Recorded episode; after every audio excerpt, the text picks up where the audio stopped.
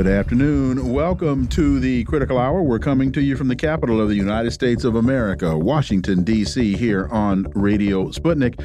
I'm your host, political scientist, author, and nationally syndicated columnist, Dr. Wilmer Leon. I'm joined here by my co host, political analyst, Garland Nixon. Thank you, Wilmer. For the next two hours, we will explore and analyze the salient news stories that are impacting the global village in which we live.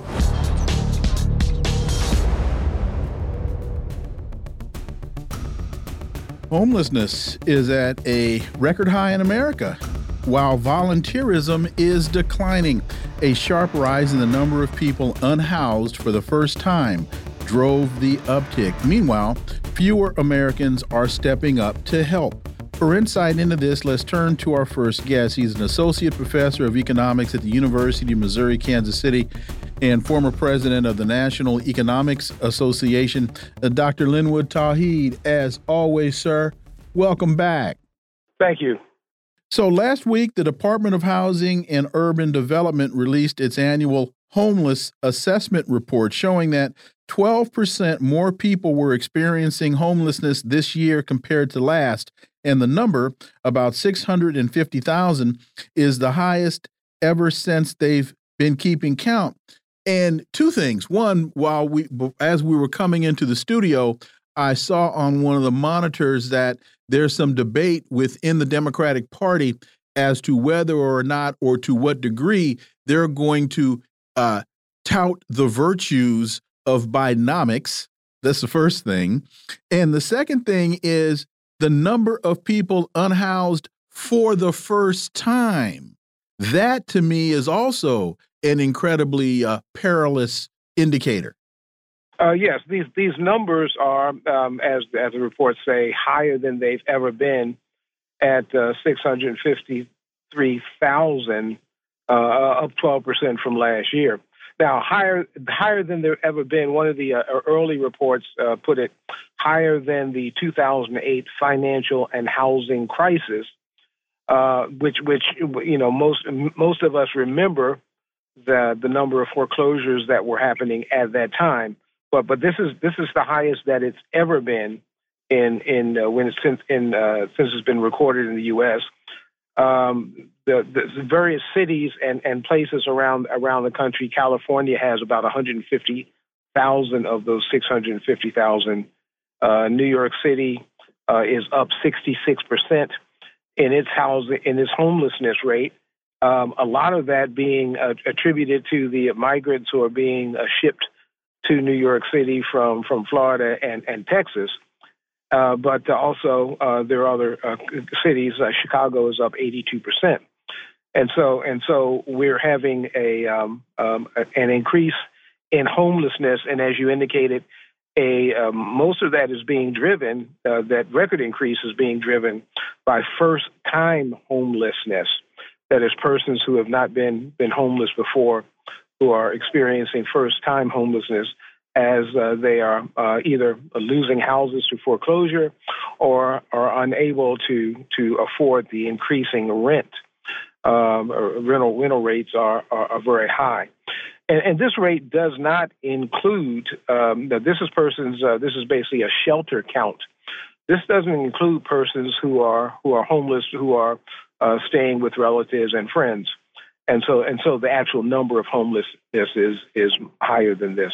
You know, Dr. Tauheed, I have a good friend who ran a homeless shelter for years, and he's still in contact with it, works with people, raises money for for homeless shelters at all. And he said uh, the surprising thing to him is that a lot of people come to shelters at night and they bring their tools and their work gear because there are a lot of people now who have full-time jobs families etc and they are um, bringing in a salary. It's have a car they have to have to get to work or a truck or whatever they need to make a living but they are living in a homeless shelter because they can't afford a roof over their head. And, and to that point uh, dr tauheed you as an academic and and me as a former academic uh, we know in the reports in for example california there are working, teaching PhDs that are living in their cars because they can't afford on their university salary, they can't afford a home in, on the West Coast.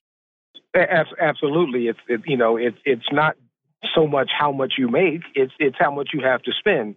Cost of living in various places, uh, New York and California, and and a growing number of other places, is much exceeding the ability of people to pay uh, for for housing. Uh, the the guideline, uh, at least uh, by HUD, is that a person should uh, only spend no more than one third of their their salary on housing. We're finding an increasing number of persons who have to spend at 50 percent of their of their income on housing, uh, which which is beyond the reach of many persons to be able to sustain.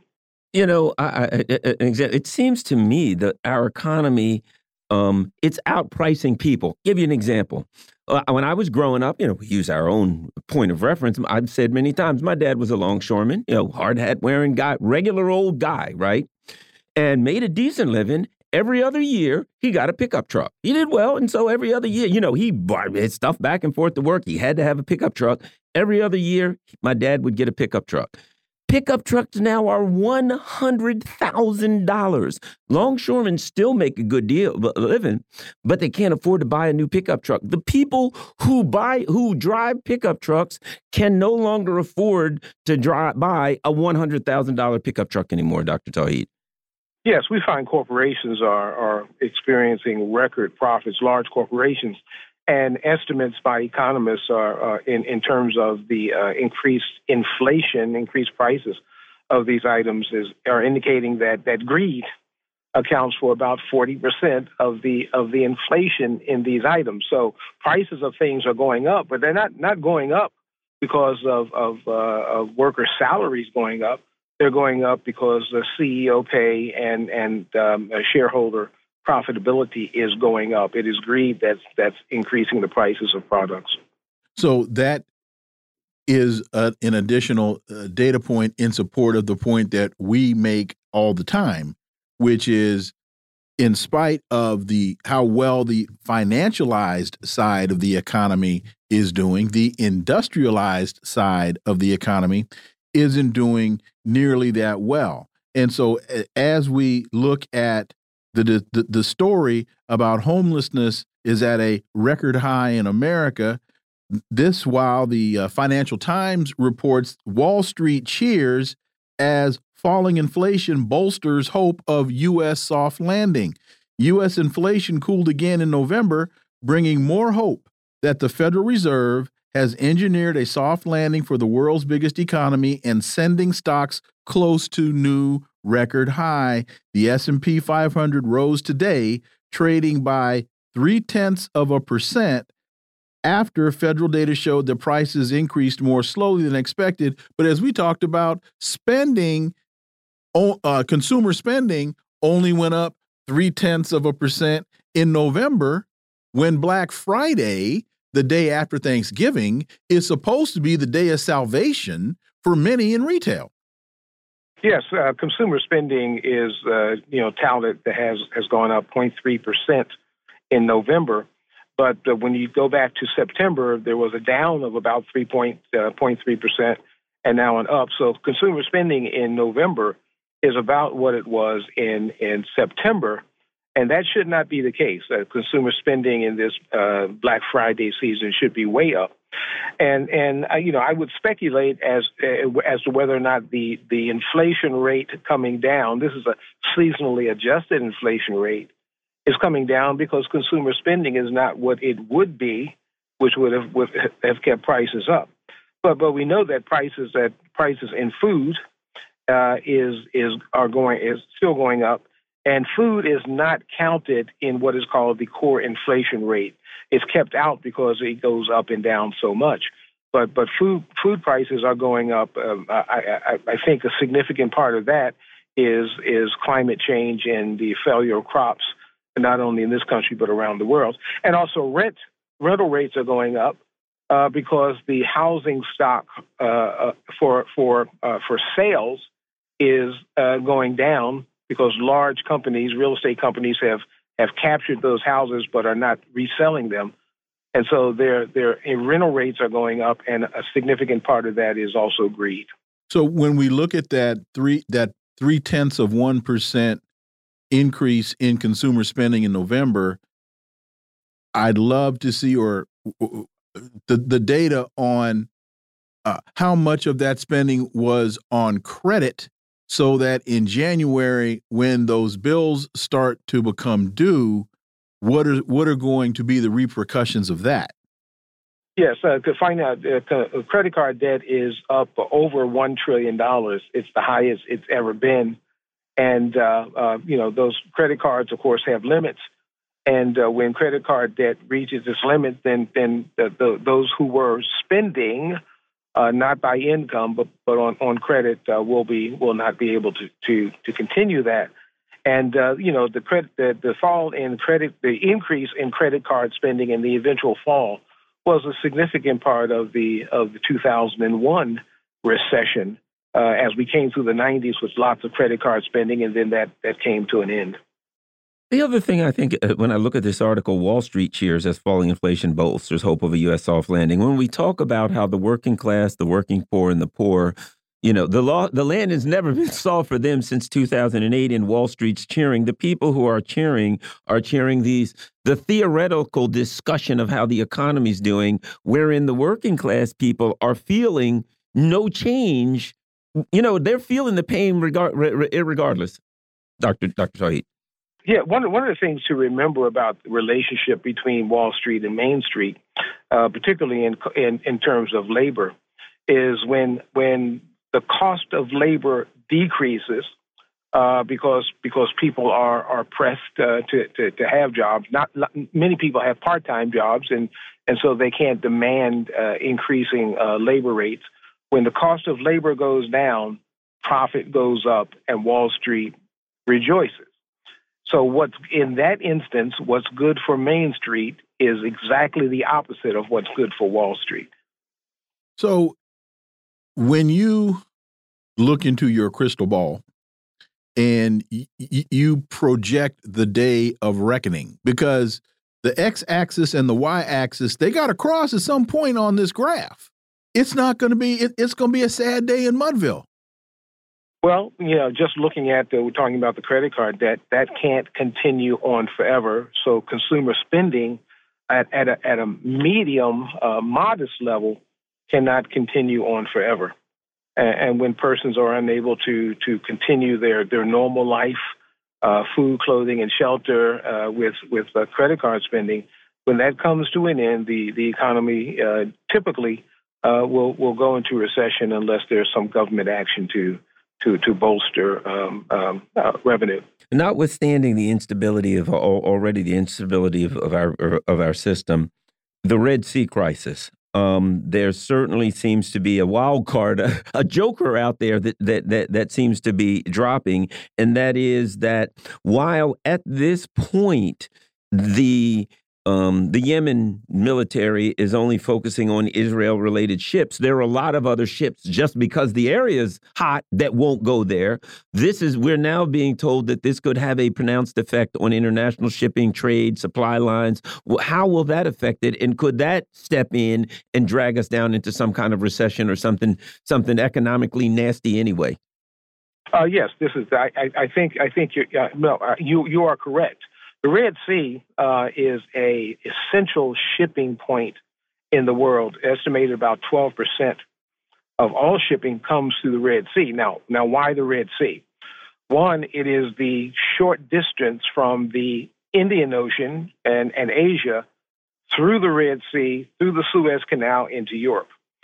And so that's a significant uh, travel uh, route for, for trade from the east to, to Europe and, and, and to the U.S. because then you don't have to go around Africa for that shipping.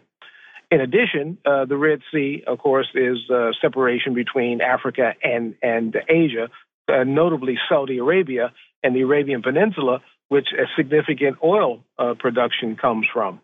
And so, any um, any type of, of disruption of Red Sea or Suez Canal shipping not only affects just the, the ordinary shipping from Asia to, to Europe and the US, but also significantly affects the shipment of oil. And oil prices, uh, when they start to go up, then we start to get inflation in, in every um, uh, industry that uses oil, which is which is every industry that has industry uh, has uh, energy needs. And so the the Red Sea is a significant uh, uh, transfer point for, for products and, and, also particularly for oil, which will cause a, a recession, uh, excuse me, an inflationary hit uh, as this as this uh, conflict goes on. So, with that being said, are you anticipating a, another uh, supply chain issue similar to what we experienced six months ago?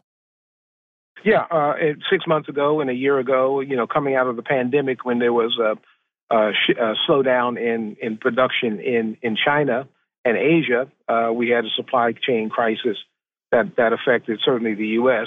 Uh, this is a, another supply chain crisis, but it's a supply of oil, uh, oil um, uh, crisis, which which then goes on to have multiplier effects in the rest of the world. So so yes, I mean, uh, not only are are the uh, the, the the Houthis in in in, um, in Yemen um, um, attacking uh, shipping, particularly shipping that's that, that's in any way designated for Israel. They are they're doing this in support of of, of the Palestinians and. and uh, but but but but they're also uh, putting other other ships in danger and raising insurance rates for shipping in that area. So just the ri- the rise in insurance rates will will increase the price of oil as well as uh, slow down the uh, the supply of oil. So so yes, this this is going to have significant effect. Uh, I guess the U.S. government with with with some others are are planning to. Um, let's say uh, to militarily intervene in this process. Well, now you have war in the Red Sea, which is going to exacerbate the ship the supply chain crisis. Let me ask you about this. Um, I've been reading lately, and I'm sure you have, that within the next 18 months or so, that due the due to interest rates, the U.S. payment on debt will be around a trillion dollars. Of course, our military spending's around a trillion dollars. That once you get these two things together, that that pretty much eats up our own, uh, eats up our entire budget, and that we got a couple hundred billion dollars in real estate. When I walk around here, all I see is empty commercial buildings around K Street. That we have that coming due. Is there a perfect storm sitting out there waiting to uh, slap us down economically? Also. Well, I would separate the uh, the, the payment of the debt uh, uh, from the uh, the military budget. Uh, the military budget spending into the military is inherently inflationary. We learned this during the Vietnam War. You're spending money on on um, military hardware, not on bread and butter, not on things that consumers are going to buy. Even though military contractors have have more money and their their their workers are, are working, are being paid, they, they can't go out and spend that money on the things they produce. On the other hand, uh, the payment of a trillion dollars uh, on the U.S. debt, that payment goes out to the public. That U.S. debt, debt is held by the public. And so when those payments are made uh, to to uh, to holders of, of treasury bonds, uh, that that that puts money in in, in the hands of uh, of those who are generally going to spend that money. So they have two different effects. Uh, but certainly the military budget, which is uh, e even at 858 billion, I believe, is is really over a trillion dollars already, uh, and uh, that does have a significant inflationary effect. But Dr. Tauheed, the Democrats have been telling us that the military budget is a jobs program. So Well, well, it, well, it is a jobs program, but it's, but it's a very expensive jobs program. Uh, you know, one of the things that that uh, people don't talk about is that the the, the, the military budget of, budget of Russia is one tenth of the military budget of the U.S. But apparently, their weapons are as effective as U.S. weapons. And so uh, it, it's not a secret that, that U.S. weapons are severely overpriced and and uh, so it, so it's a, you know it's a jobs program, but but it also creates extensive profit uh, for for uh, shareholders and and um, um, CEOs in, in, these corporations, and and also a significant amount of money into campaign contributions through lobbying. So so it's a very expensive program. And, and final final point because your your your your your data on the, the Russia defense budget is a tenth of ours, but there is also a difference in the um, in the in the approach behind that budget because the Russian defense budget is defense is defensive. The United States budget is more offensive. And so it it costs you more to start a fight than it does to defend yourself in the fight. Yes, and, and also a significant part of the budget is is sales of of military um, weapons of weapons uh, to to other to conflicts around the world. Taiwan, uh, right? Yeah, and, and, and Taiwan, um, uh, Ukraine, um, uh, now Israel. Uh, those those those that the giving of weapons to those countries is is weaponry that has to be replaced and is replaced by by um, as part of the military budget. And that that inflates the budget as well. Dr. Linwood Tauheed, as always, thank you so much for your time. Greatly, greatly appreciate that analysis, and we look forward to having you back. Thank you, sir. Folks, you are listening to the Critical Hour on Radio Sputnik. I'm Wilmer Leon. I'm joined here by my co host, Garland Nixon. There's more on the other side. Stay tuned.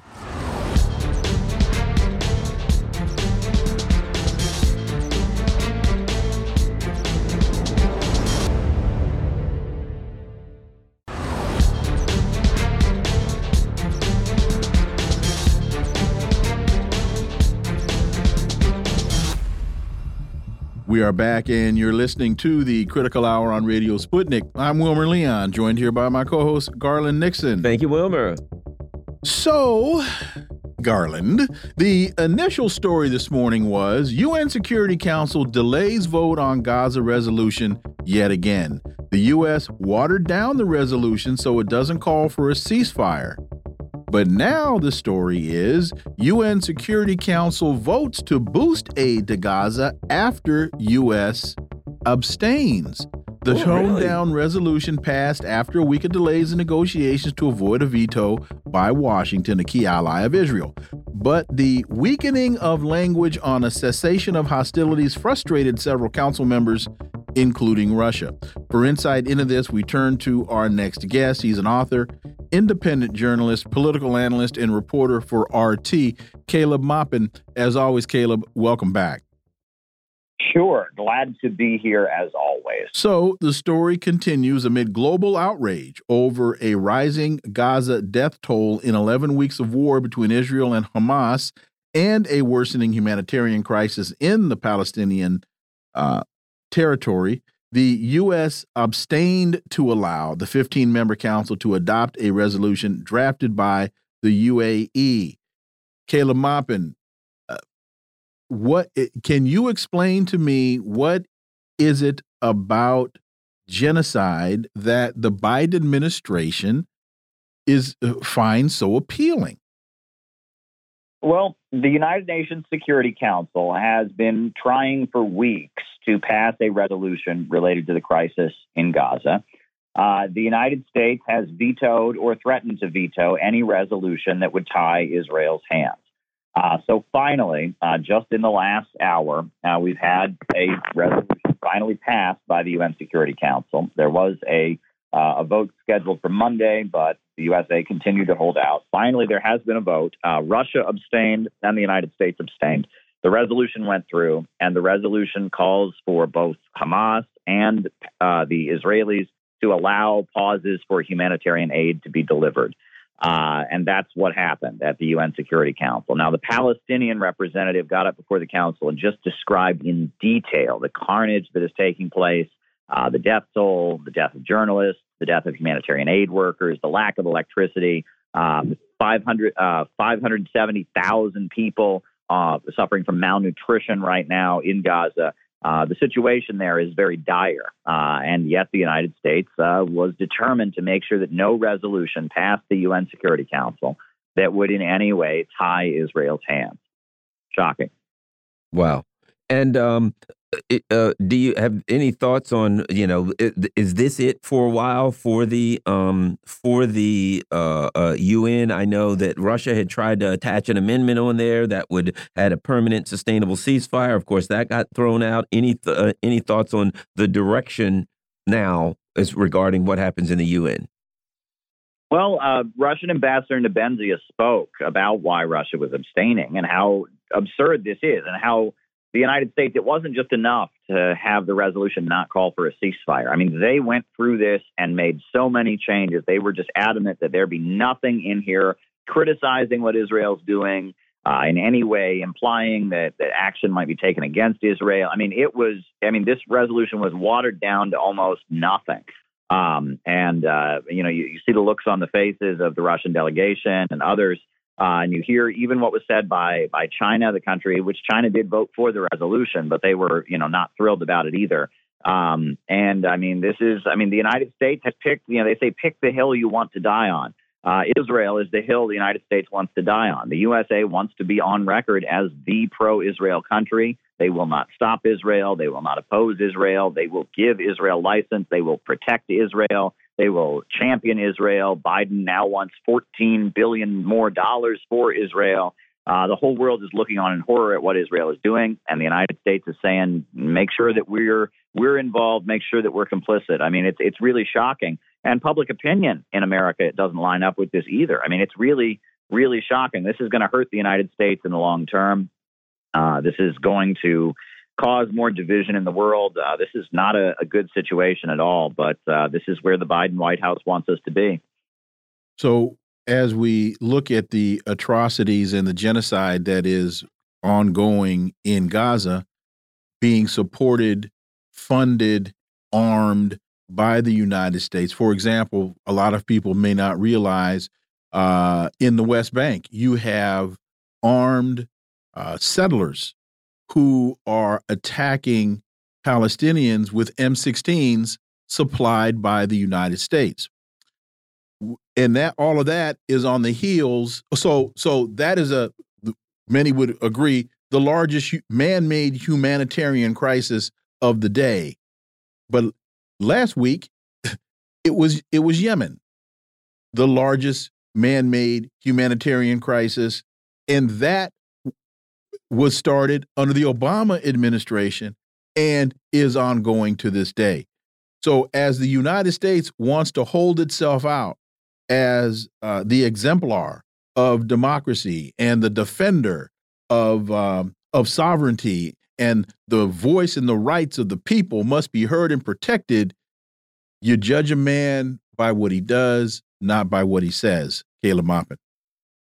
Well, no, indeed. And, uh, you know, you talk about what the settlers are doing and how the settlers are taking this opportunity on the West Bank to just go after, um, you know, local Palestinian folks and expand their settlement activity, which the UN has condemned, which the United States has given uh, condemnations of in the past. Uh, I mean, you have a situation here where, uh, you know, the Netanyahu wing of Israeli politics is saying we're just going to go out of our way to offend the world. We're going to make clear that we have no interest in appeasing our critics uh, or or showing any middle ground here. We are just going to do everything we've always wanted to do, and the world can try and stop us. Uh, I mean, this is this is an interesting situation because I mean, it's pretty clear that I think a lot of the more liberal folks in the in the Biden administration really don't like what Netanyahu is doing and see that it's going to hurt the United States in the long term. But yet they feel that they are in a situation where the United States just has to keep giving a pass. And I wonder what that is about, honestly. I wonder why it is that, I mean, you know, I mean, I feel like the USA would gain some credibility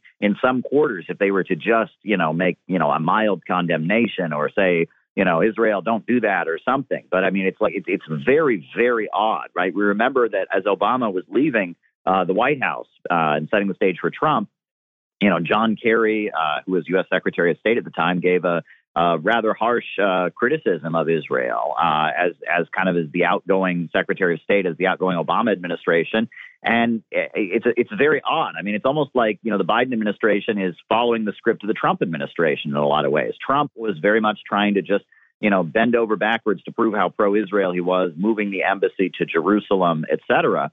Uh, you know, and it seemed like the you know the Obama administration, in in many cases, tried to you know even though they were giving lots of money to Israel and giving support to Israel, they tried to distance themselves from Israel. But the Biden White House is not distancing itself in any way. Uh, you know, I mean, we heard Biden saying he is a Zionist, and you know, Biden. I mean, this is where they want to be. And you have to wonder what is that about? I mean, is this related to fears of a second Trump administration, perhaps? Is this related to, uh, you know, differences within the halls of power? Because this is something we haven't really seen before. Um, what I also find interesting is that among the Republicans, you have Vivek Ramaswamy, who is the Republican. Uh, you know, he's a you know among non-Trump candidates. Uh, you know, he is kind of the rising star. And he says he supports Israel, but he's saying things like, I will be president of the United States, not Israel. And he's, you know, he's almost giving voice to people that might be suspicious about the power of the Israel lobby, which I think is interesting, which indicates that those kind of feelings are probably big among the Trump camp. So I'm trying to navigate uh, the divisions among the American elite and why things are playing out the way they are, because it's very peculiar. You know, Caleb, you've had, I know you particularly have had a lot of experience and background regarding the um, Ansar Allah Houthis Yemen, et cetera, whatever term you want to use. What uh, can you tell us about that group, that organization, um, and about the uh, current crisis in the Red Sea? Well, I mean, they are at this point the heroes of the entire Arab and Muslim world. Right? They're out there seizing ships. And not only are they seizing these ships that do business with Israel or have something to do with Israel, uh, they're turning them into like tourist attractions. Uh, people are, are paying money, lining up to get on and, and look at these boats that have been seized uh, by the Houthis, by Ansar Allah.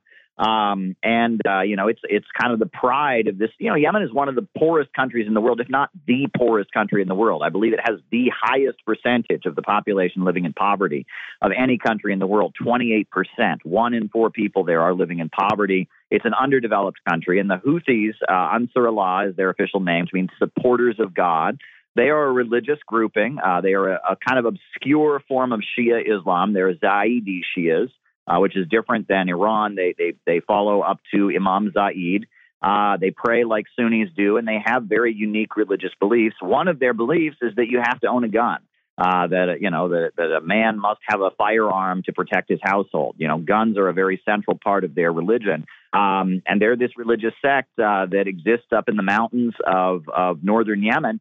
In 2003, they were protesting the Iraq War and they were burning the American flag and they were having rallies with their guns. And the Yemeni government that was backed by the United States decided to crack down on them and take their guns away. And they weren't having that, so they uh, they started seizing territory and kicking the government out of the region. So the government uh, in 2003, uh, you know, was kind of waging an ongoing, you know, guerrilla conflict with them. Then, when the Arab Spring happened, uh, you know, the Yemeni government fell. People were protesting for their rights, and they were at the center of the Arab Spring protests.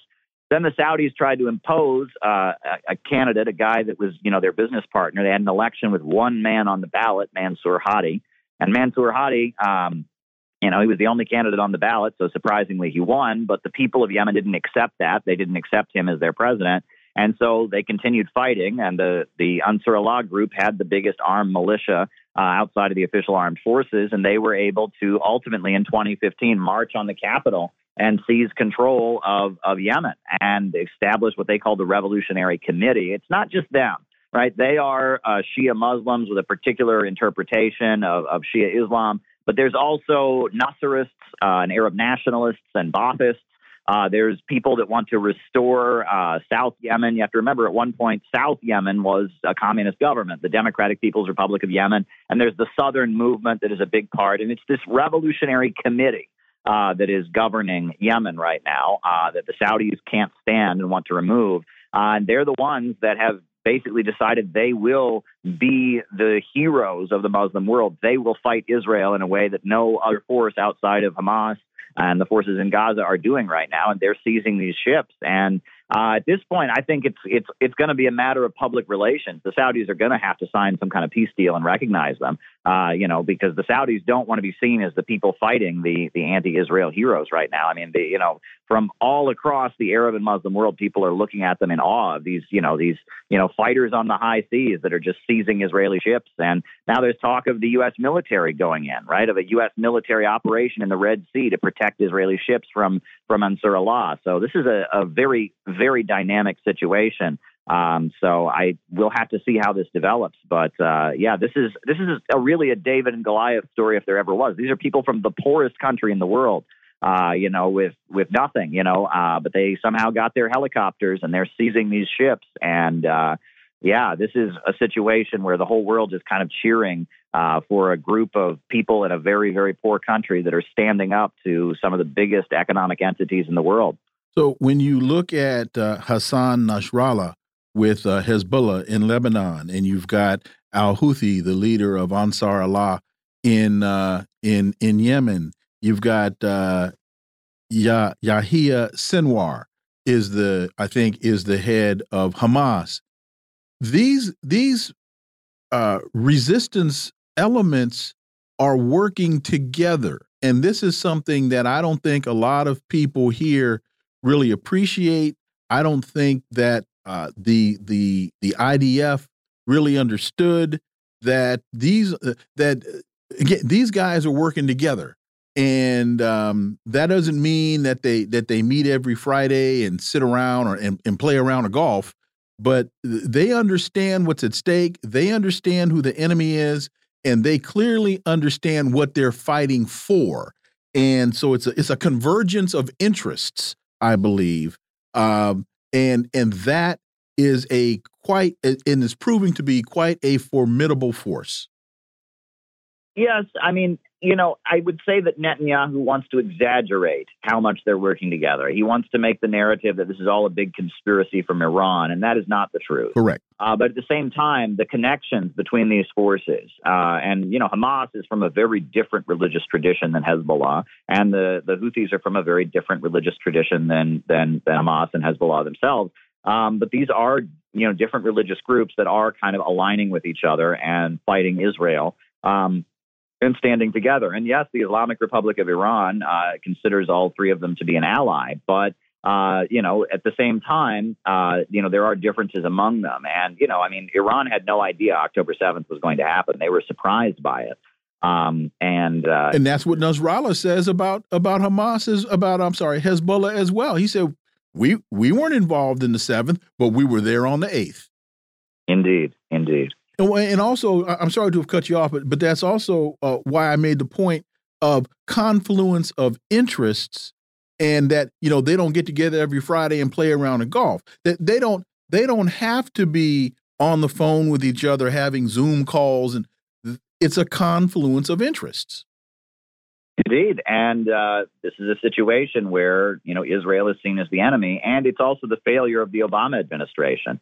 They worked very, very hard to drive a, a wedge between the Arab countries and Iran, and to back up this narrative that Shia Muslims are are trying to create some kind of Shia crescent or or, or Iranian empire, and and to you know play the Sunnis against the Shias, and that has all fallen to pieces. And the Trump administration continued that when Trump went to Saudi Arabia and talked about building his Arab NATO.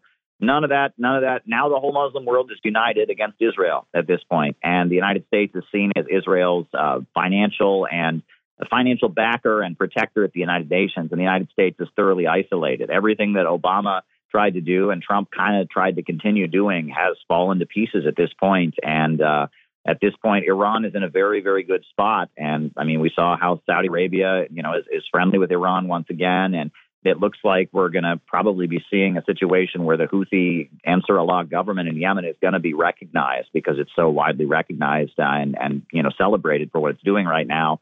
Uh, the balance of forces in the Middle East has dramatically, in the last two, three years, shifted uh, against the United States, I would say. And I'm chuckling as we get out because that's exactly the last point that I was going to make and get you to respond to is oh my, my, how quickly the global dynamic has shifted and not in the favor of the United States. And the United States brought a lot of this on itself.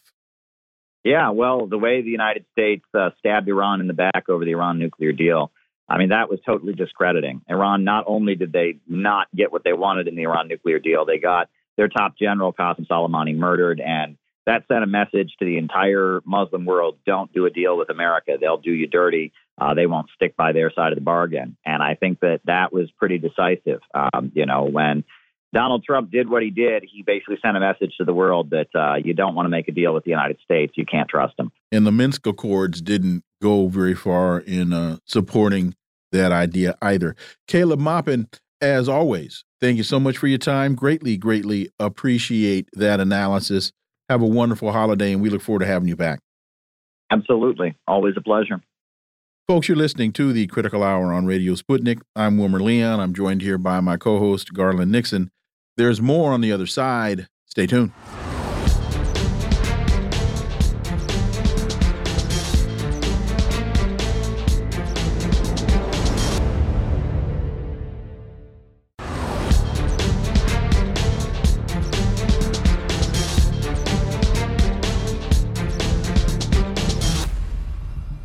We are back, and you're listening to the Critical Hour on Radio Sputnik. I'm Wilmer Leon, joined here by my co host, Garland Nixon. Thank you, Wilmer.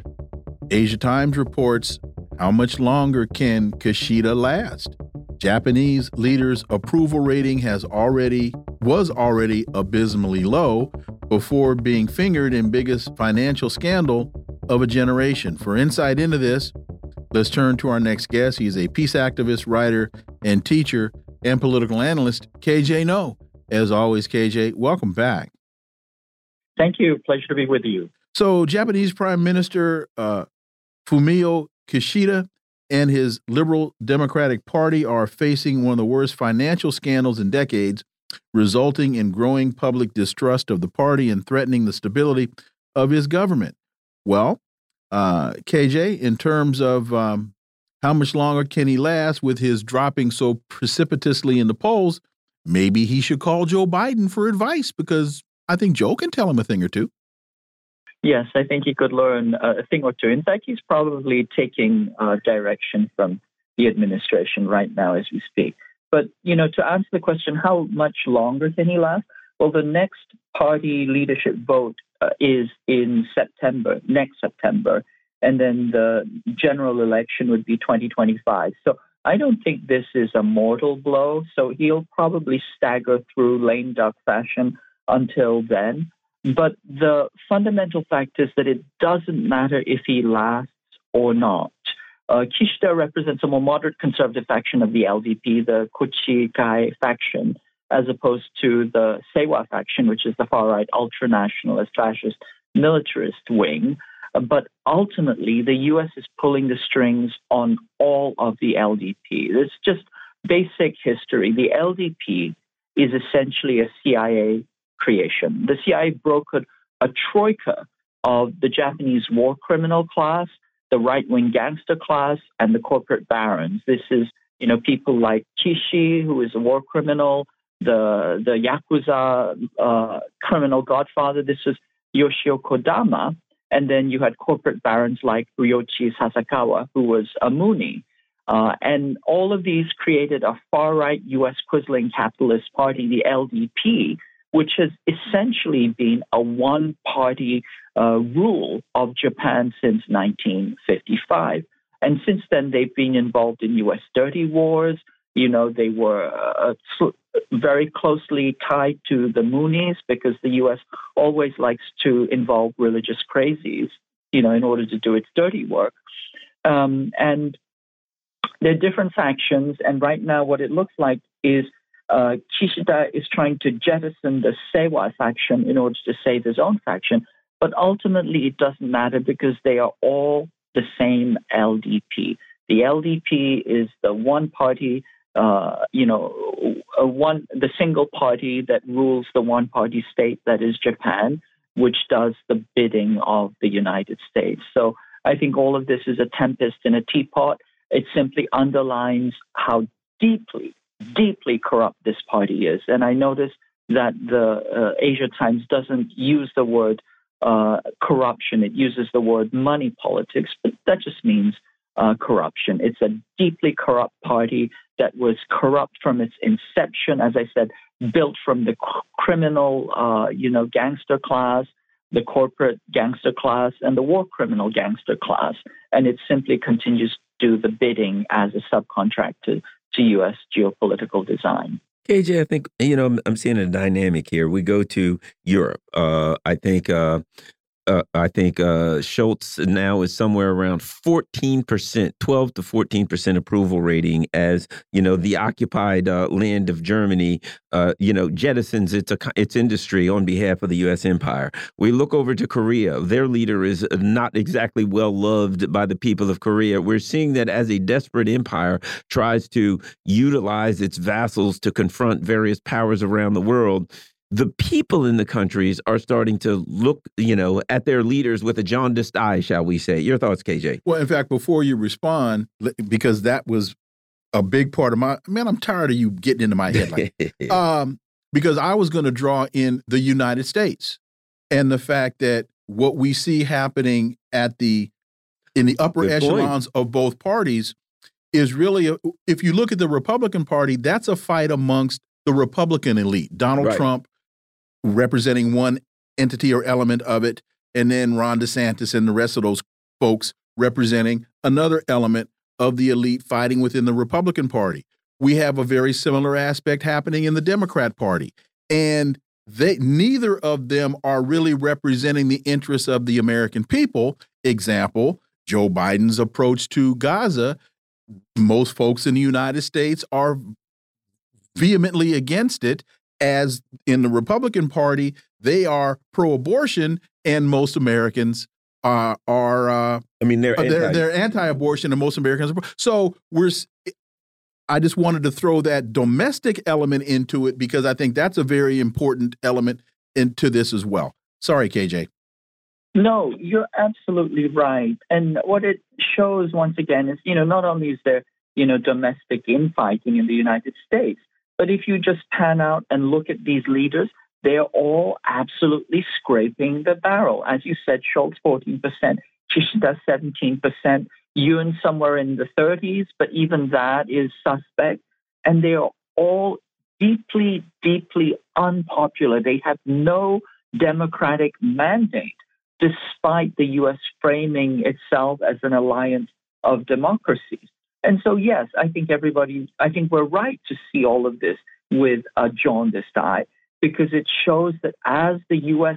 sinks, uh, you know, in its, uh, you know, in its, in, in, in any support, what it do, what it does is it grabs out to its vassals and it pulls its vassals down with itself.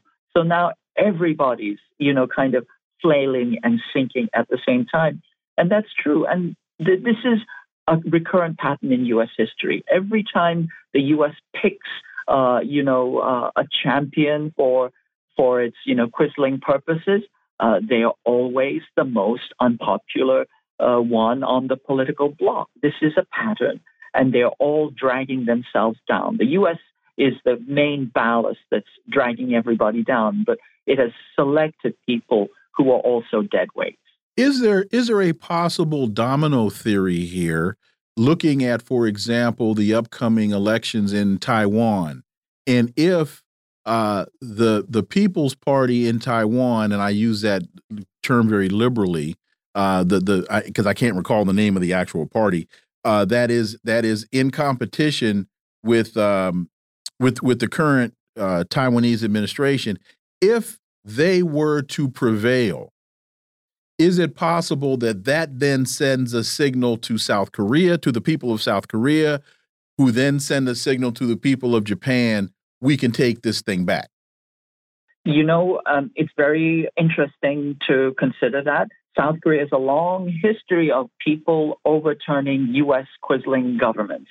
And so I think that is definitely a possibility, which is why Yoon is frantically uh, spreading out his army of prosecutors to uh, imprison and prosecute anybody who even uh, shows a minimal resistance.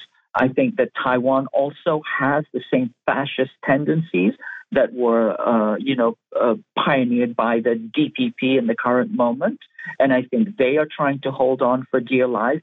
I think it at the current moment it's still a bit of a horse race, but I expect the U.S. will do everything it can to influence the election so that it continues to have its quisling DPP party.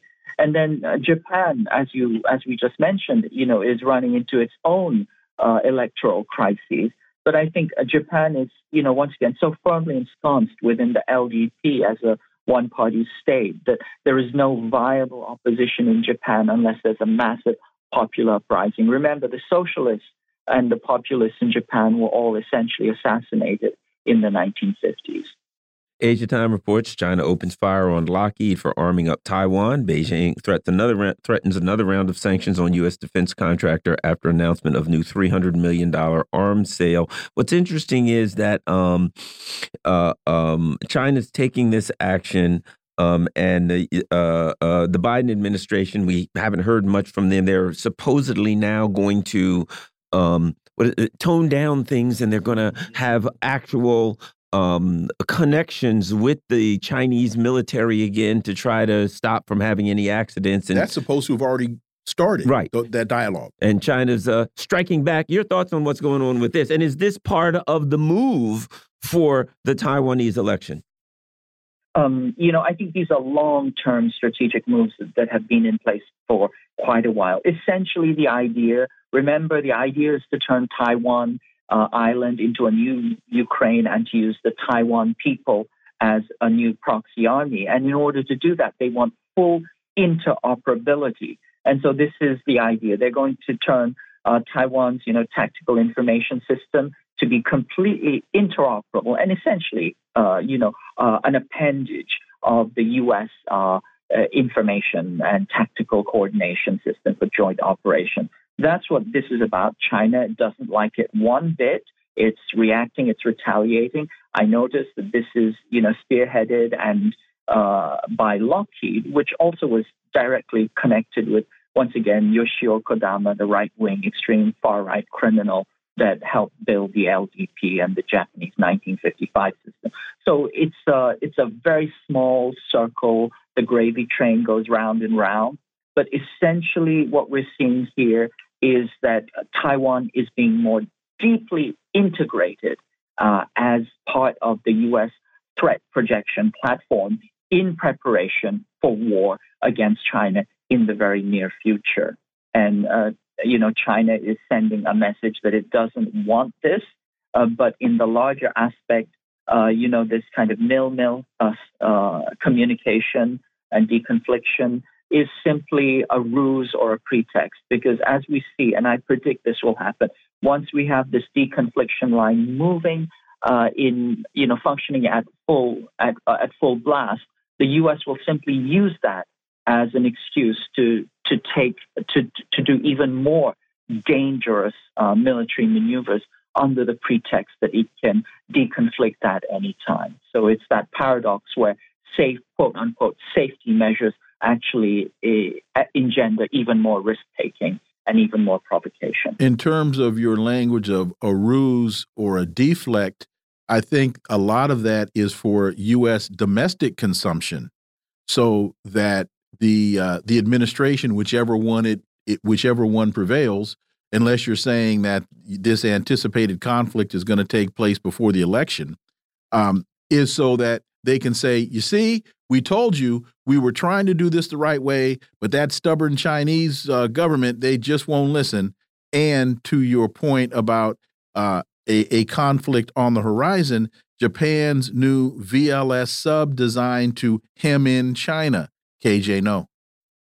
Yes, you're absolutely correct. So yes, this uh, messaging is for domestic consumption, as as also for you know the global Western media. That is to say, we manufacture consent by wrong footing China, showing that we did everything right and they have always been belligerent and unreasonable. So that's the general framing that will be used as we as we continue to escalate to war. Uh, but you're absolutely correct about the VLS system. Essentially, the idea is to hem China in inside the first island chain. Remember, since the pivot to Asia, the U.S. has sown bases and weapons like dragon's teeth totally encircling China along its uh, littoral coast. Uh, and inside this, what we call the first island chain, this kind of uh, you know chain of military bases, uh, there are two gates. One is the Miyako Straits, the other is the Bashi Channel uh, between uh, the Philippines and Taiwan, and the Miyako Straits between Japan, the Ryukyu Islands, Yonaguni Islands, and and Taiwan. And the idea behind these subs is there because these channels cannot be completely sealed off, they are international waters. You want to have submarines that can destroy any ships or submarines that might be transiting. So the idea is to have a complete and total sealed uh, uh, kettling in of China along the coast.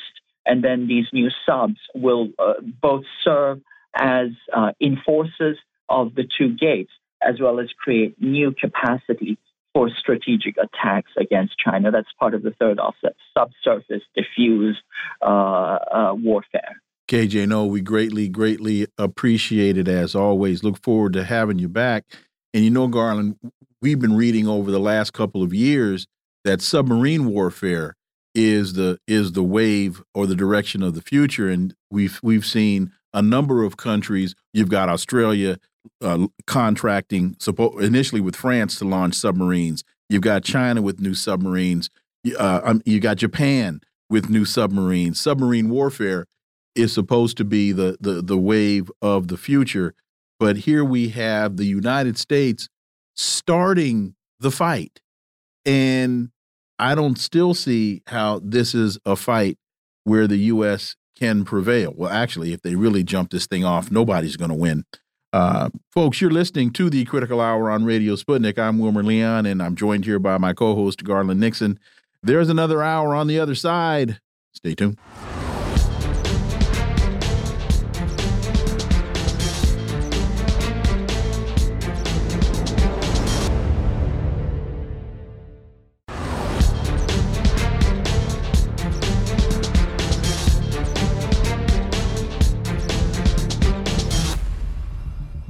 We are back, and you're listening to the Critical Hour on Radio Sputnik. I'm Wilmer Leon, joined here by my co host, Garland Nixon. Thank you, Wilmer. Well, the Republicans threatened to take Joe Biden off the ballot in states they control. Republicans are calling for Biden to be removed from state presidential ballots following a Colorado. You mean uh, Trump? You said Biden to be removed. They're calling for Trump to be removed.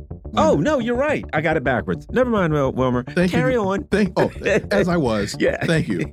Uh, Republicans are calling for Joe Biden to be removed from state presidential ballots following a Colorado court ruling that Trump is not permitted to be on its ballot on its primary ballot next year.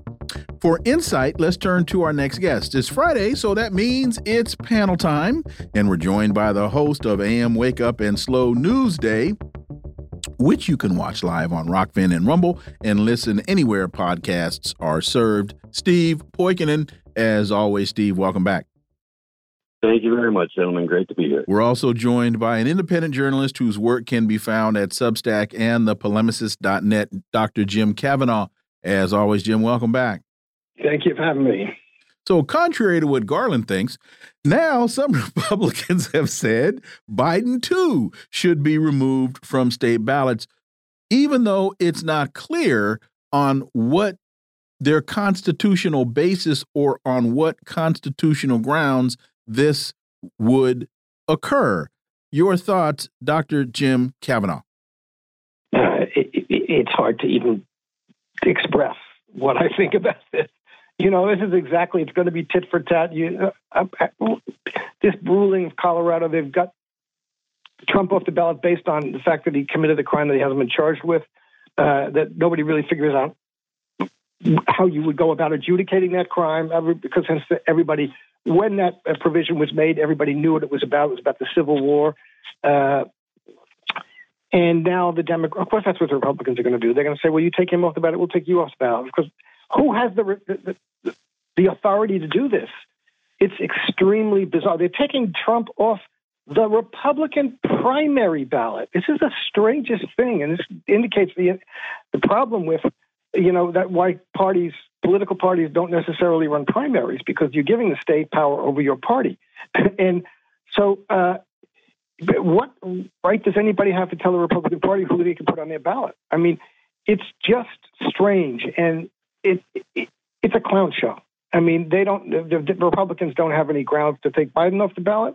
I don't think that uh, the courts have any grounds to take uh, Trump off the ballot. It's politicized litigation in place of real political real political debate. Democrats are just afraid of of, Demo- of, of uh, Trump. That's what they demonstrate all the time. Everybody sees it. It just gives Trump more power and more support. It's helping Donald Trump. And Steve, to answer Jim's question about the authority, the uh, Democrats would tell you that the answer to that question is the 14th Amendment says if you engage in insurrection, then you can, and you've sworn an oath to protect and serve the Constitution, gotta go, gotta go, unless the uh, Congress and the Senate grant you a waiver. And so they would say that's the constitutional basis for their action, versus the Republicans saying, stomping their feet uh, and saying, well, we'll just take you off the ballot. Well, what they're what they're basically saying is uh, we're going back to uh, first or second grade on the playground, mm -hmm. and I'm rubber and you're, you're blue. blue. And whatever you say bounces off, off me, me, and sticks to you. you. You and I must have been and on the same playground. but that's the game that they're playing right now. This is WWF. It, is. Donald Trump knows better than anyone being in uh, the Hall of Fame for the Wrestling Hall of Fame for being a pretend bad guy. And, and there's no legal standing for anything that they did in Colorado, nor will there be any legal standing for what they're trying to do to Joe Biden. I don't think this is anything other than some puffery at this point. However, we've been talking about it for a couple of years now. We're in an era of politics by spite. And if you can gin up the base, that's what matters. So as long as they can keep this, you know, WWF style opera going on, uh, then at the very last second, we can have Gavin Newsom with the steel chair. and he well, throws him into the turnbuckles. And, and here's the other thing uh, about it, Jim, and that is, and this is the way I always look at it. Okay, look, you have an election, somebody beat somebody, you win or lose. Uh, but if the Democrats don't do that, we may be talking about the election.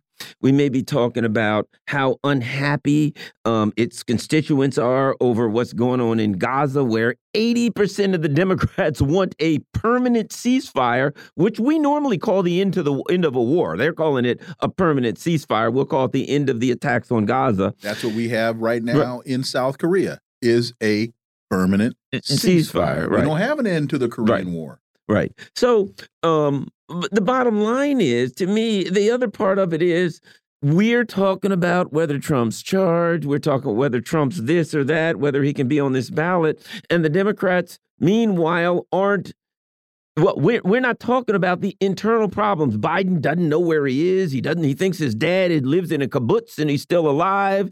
And the people in the party are unhappy with the leadership. Jim. Yeah, the Democrats are afraid of the people. You know, and they demonstrate this all the time. They're, they're trying to prevent voting. They're trying to prevent voting for Biden. They're trying to prevent the Democratic Party from vote from voting. You know, they don't have an answer. They want to take care of things and manage behind the scenes the way they always have and pick the candidates they want. They have this guy Biden who's clearly out of it and not competent, and they don't know what to do about it. And they try to not allow the Democratic Party constituency to choose whom they want. And they don't want the, the, the, the American people to choose whom they want. They're afraid, they're afraid they're going to choose Donald Trump, which they might. And if they do, that's not acceptable. So whoever's running the show behind the scenes in the Democratic Party, which is now the party that's the dom- that represents the dominant factions of the ruling class, you know, doesn't want the American people to make their own decisions. They've, they've and in fact, what they're demonstrating is the ways in which this has always been the case. The donor class and the ruling class, through the through its instruments in the parties, controls who gets nominated, controls who, who can be who, whom you can vote for, controls the electoral process. They don't want any more transparency about about that. They don't want any sense in which the people take control of that. Uh, the Republican Party, unfortunately for the Democrats, is more Democratic than the Democratic Party. So if they're real real primaries, it certainly looks like Donald Trump will. He's 50% ahead of anybody else in the party. So they want to shut him out. And it's clear. Everybody knows it. They're afraid of him. They're afraid of the, not him, they're afraid of the people. The 75 million people who voted against him. They don't want those people to have a political political voice. I, I will I will push back on one part of that statement, Jim, and that is the Democrats don't have an answer. They do have an answer. And I know they have an answer because Vice President Joe Biden, when he was running for president, articulated the answer. It was health care. It was um, student loans. Student loans. It it was daycare.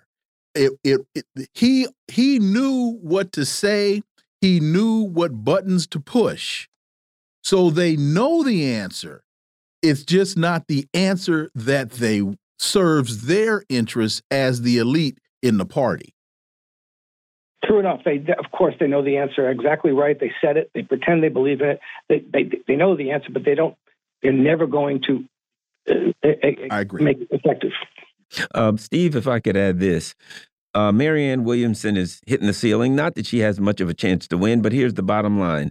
Uh, North Carolina, Tennessee, Florida, and Massachusetts have decided that uh, for they're going to have a, the good news is they're going to have a primary. The bad news is only Joe Biden's name will be on the primary. I'm sure people will be rushing out to vote to make sure that the only person on the, my God, man. When I look at this, here's the first thing I thought, Steve.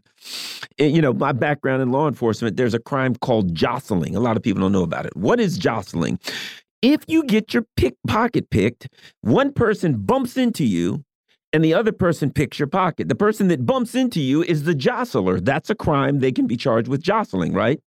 Hey, everybody, let's talk about Donald Trump going to the Supreme Court and we're going to throw him off the ballot. Meanwhile, while you're talking about that, which is going to get thrown out of the Supreme Court anyway, I'm over here making sure that nobody's on the ballot on these four states but Joe Biden. Steve. Well, you're absolutely right. It's a, a very clever misdirect. And when you've got a compliant press, they're disinclined to report on the fact that you have from the beginning said that this is going to be uh, anything but a primary. Now, the the other answer to what the Democrats can do and what they are, their answer to all of this is uh, on in court transcripts from the 2017 DNC fraud lawsuit, where Bruce Spiva, the DNC's attorney, said uh, technically there's no such thing as a Democrat. We can rig the primaries however we want. We can go into smoke filled back rooms if we want to and pick the candidate. The primary itself is effectively a fundraising mechanism. And by the way, doesn't matter what candidate you think you're donating to, it's all going to a general slush fund. So the, even if we're going to allow ourselves to believe that uh, the the primary process was up until the point where they were throwing Marianne Williamson off the ballot legitimate uh, we we do have to look at the fact that as as uh, Snowball's chance in hell as she has of winning even a single delegate, she does deserve to be on the ballot. She deserves to be able to engage in a primary process just like any other candidate. And we're not getting that because we're done pretending that this is anything resembling a constitutional republic or a democracy. And Jim, this article at the end says if her if her Williamson's claims are proven to be true, it would undoubtedly have far-reaching consequences for the upcoming elections. Well, if if if we are in the court of law, then I would call Bernie Sanders to the witness stand. Hey, Bernie, uh, will you please tell us what happened to you uh, on that fatal night in you know in 2020 when when uh, Hillary Clinton and what was her name? Um, oh, Debbie Wasserman. Debbie, Debbie Wasserman Schultz were the head of the DNC. I'd also let me see. RFK Jr. I'd just call, quit. Wait a minute. Oh. I'd call Julian Assange to the stand. Uh, maybe I'd have him uh, zoomed in from Belmarsh Prison.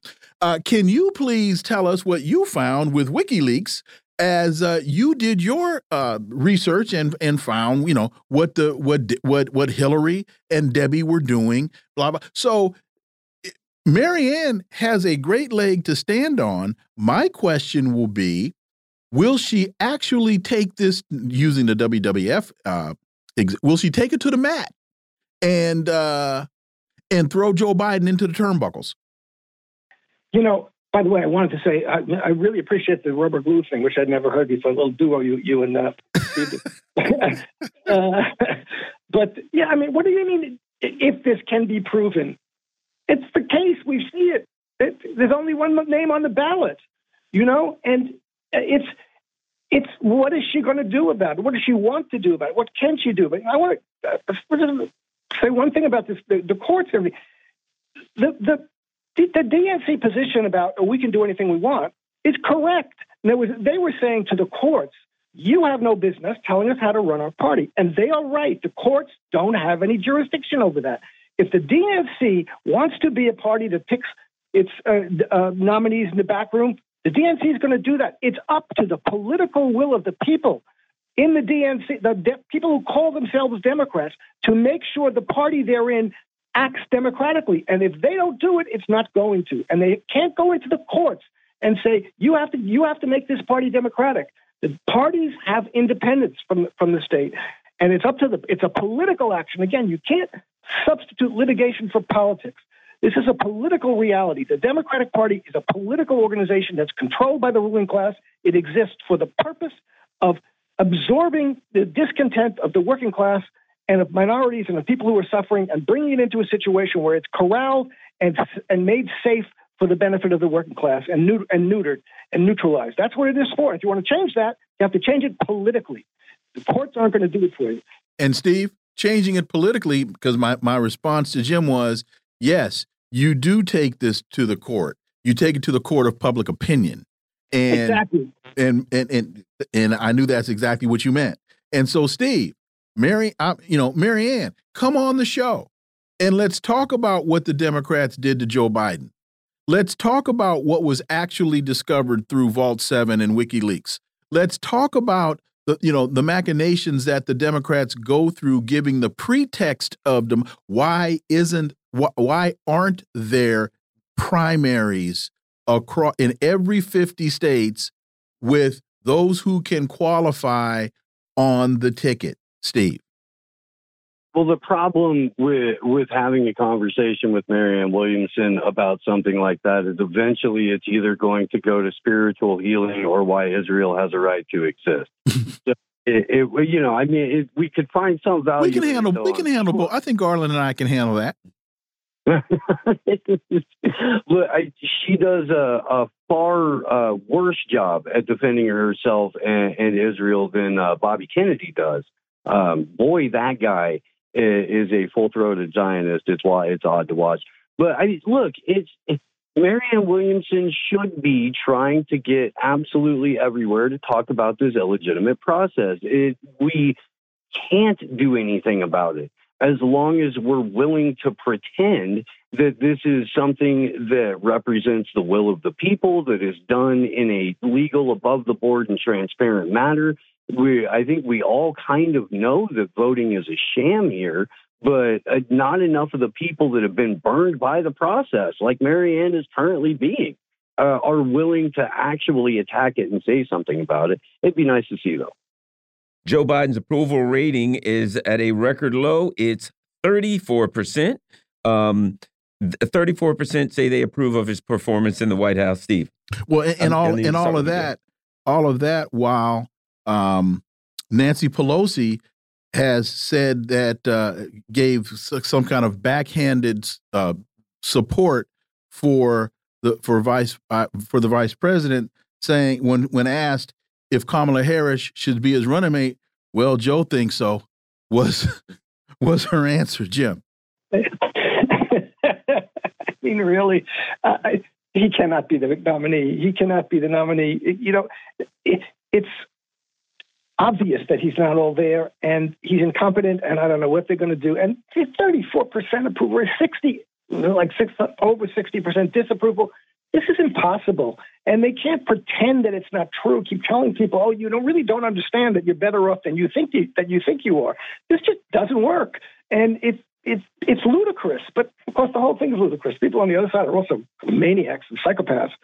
I mean, between Trump and Nikki Haley, and uh, Nikki Haley says that, that, that Hamas was did the act on October seventh because it was Putin's birthday, and it's, it's Putin's fault that what Hamas did.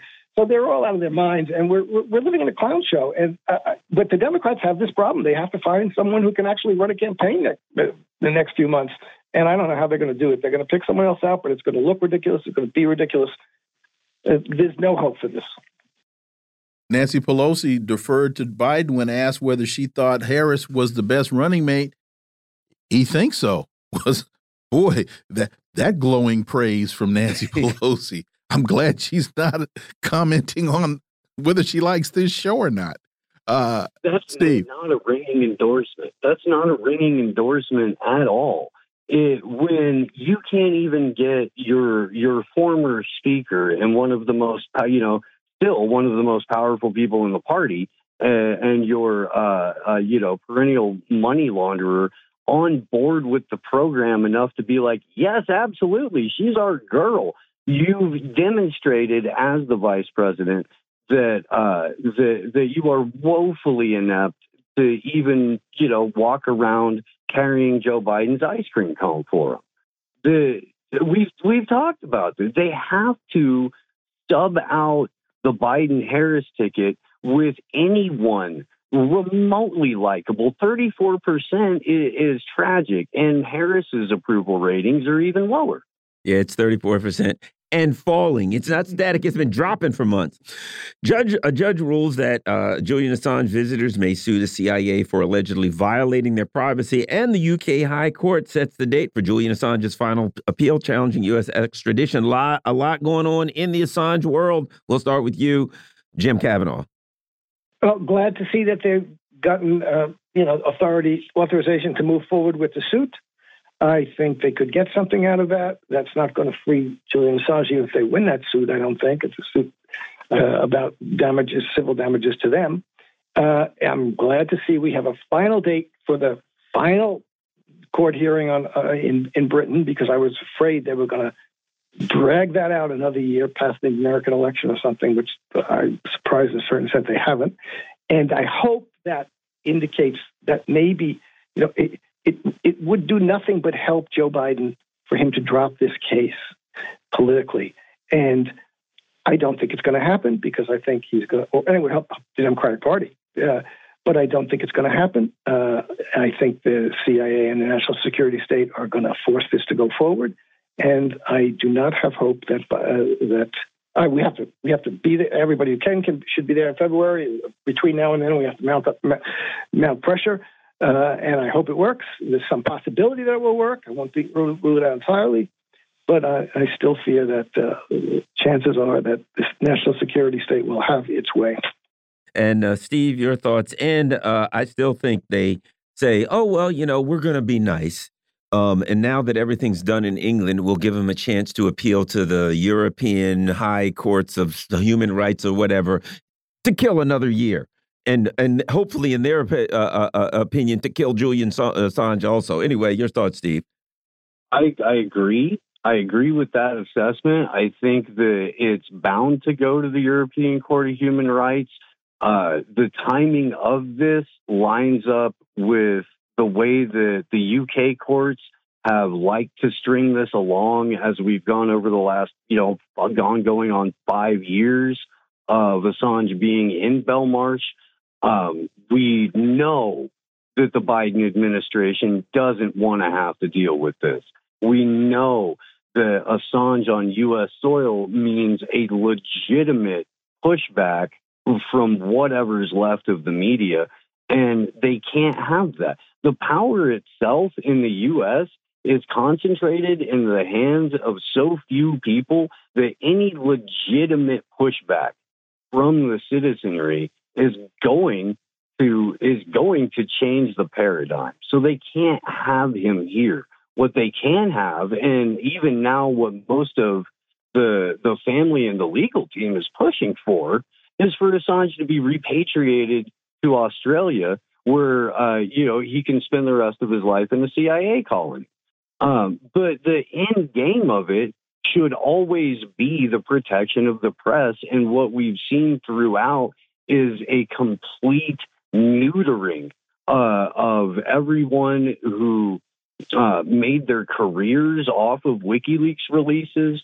We've seen a neutering of even largely the mainstream or the the alternative media in terms of speaking out for this. And as it comes to a head, uh, and I do think they're going to kick it to the European Courts of Human Rights for another year um, you know, it's going to be up to everyone with a platform to remind people that free speech is, is on its last leg, and we've really got to do something about it. I'm going to ask all three of you this, and this is somewhat rhetorical. I believe that this decision by this judge is a very significant decision, even beyond the scope of Julian Assange, because of the statement of the right of expectation of privacy under the Fourth Amendment and stating that an intelligence apparatus within the United States has violated that expectation. Haven't heard this discussed on MSNBCIA. Haven't heard this discussed on CNN. Nobody, it you know, in terms of mainstream media, is really talking about this. And I think this was a very, very important decision. Again, it, beyond the scope of Assange, in terms of American civil rights and civil liberties, a judge actually stood up and said, yes, some of those things still exist. Your thoughts, Jim?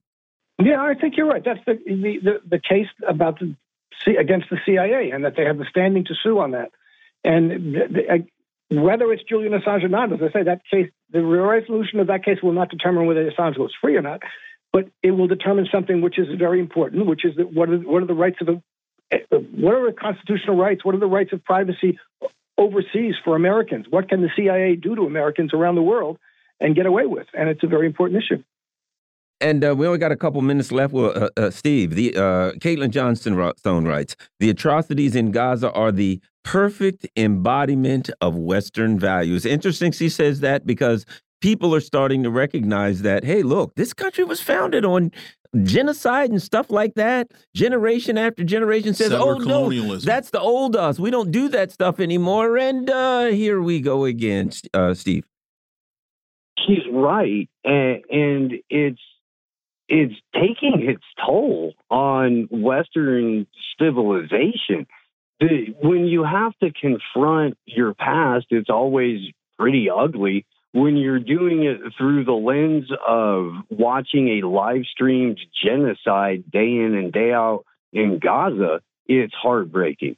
And there's no eh, state of Israel in occupied Palestine without the full faith, funding, and credit of the United States government, and by proxy, the poor taxpayers who have been robbed blind to to pay for this, you know, expansionist enterprise in the first place.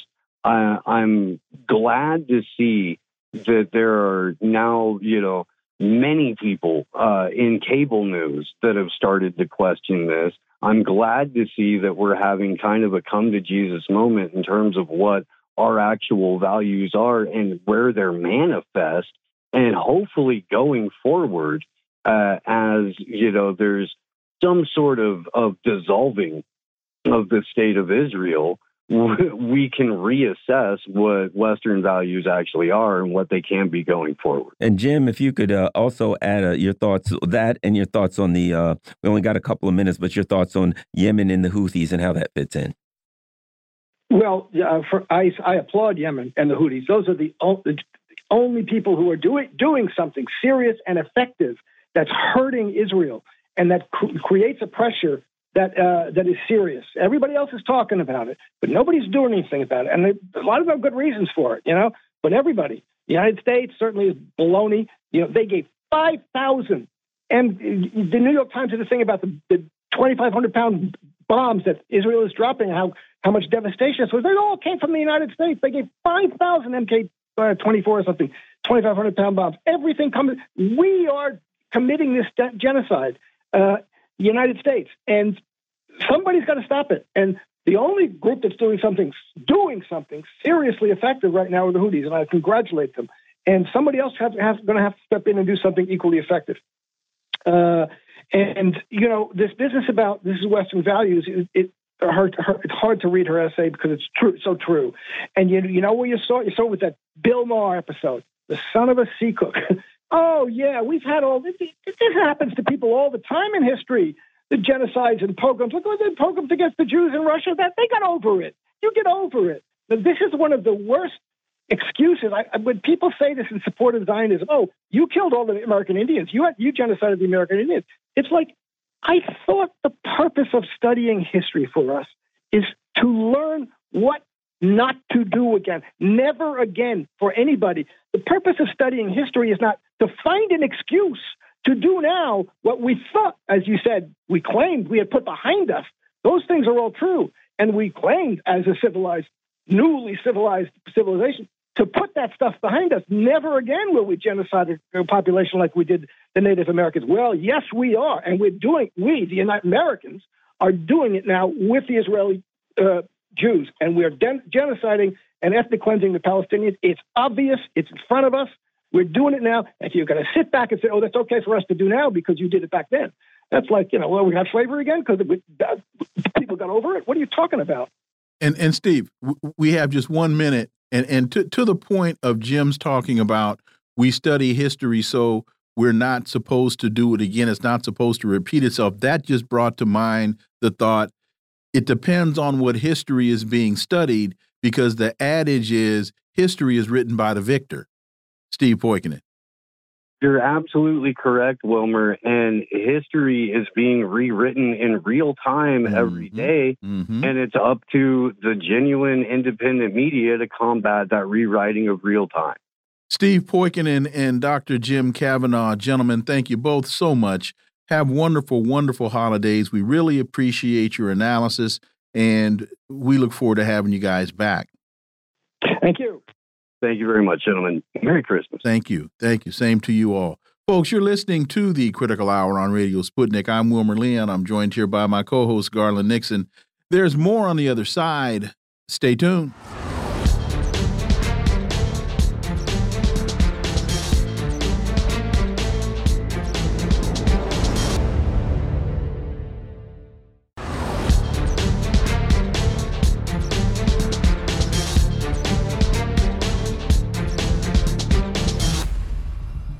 We are back, and you're listening to the Critical Hour on Radio Sputnik. I'm Wilmer Leon, joined here by my co host, Garland Nixon. Thank you, Wilmer.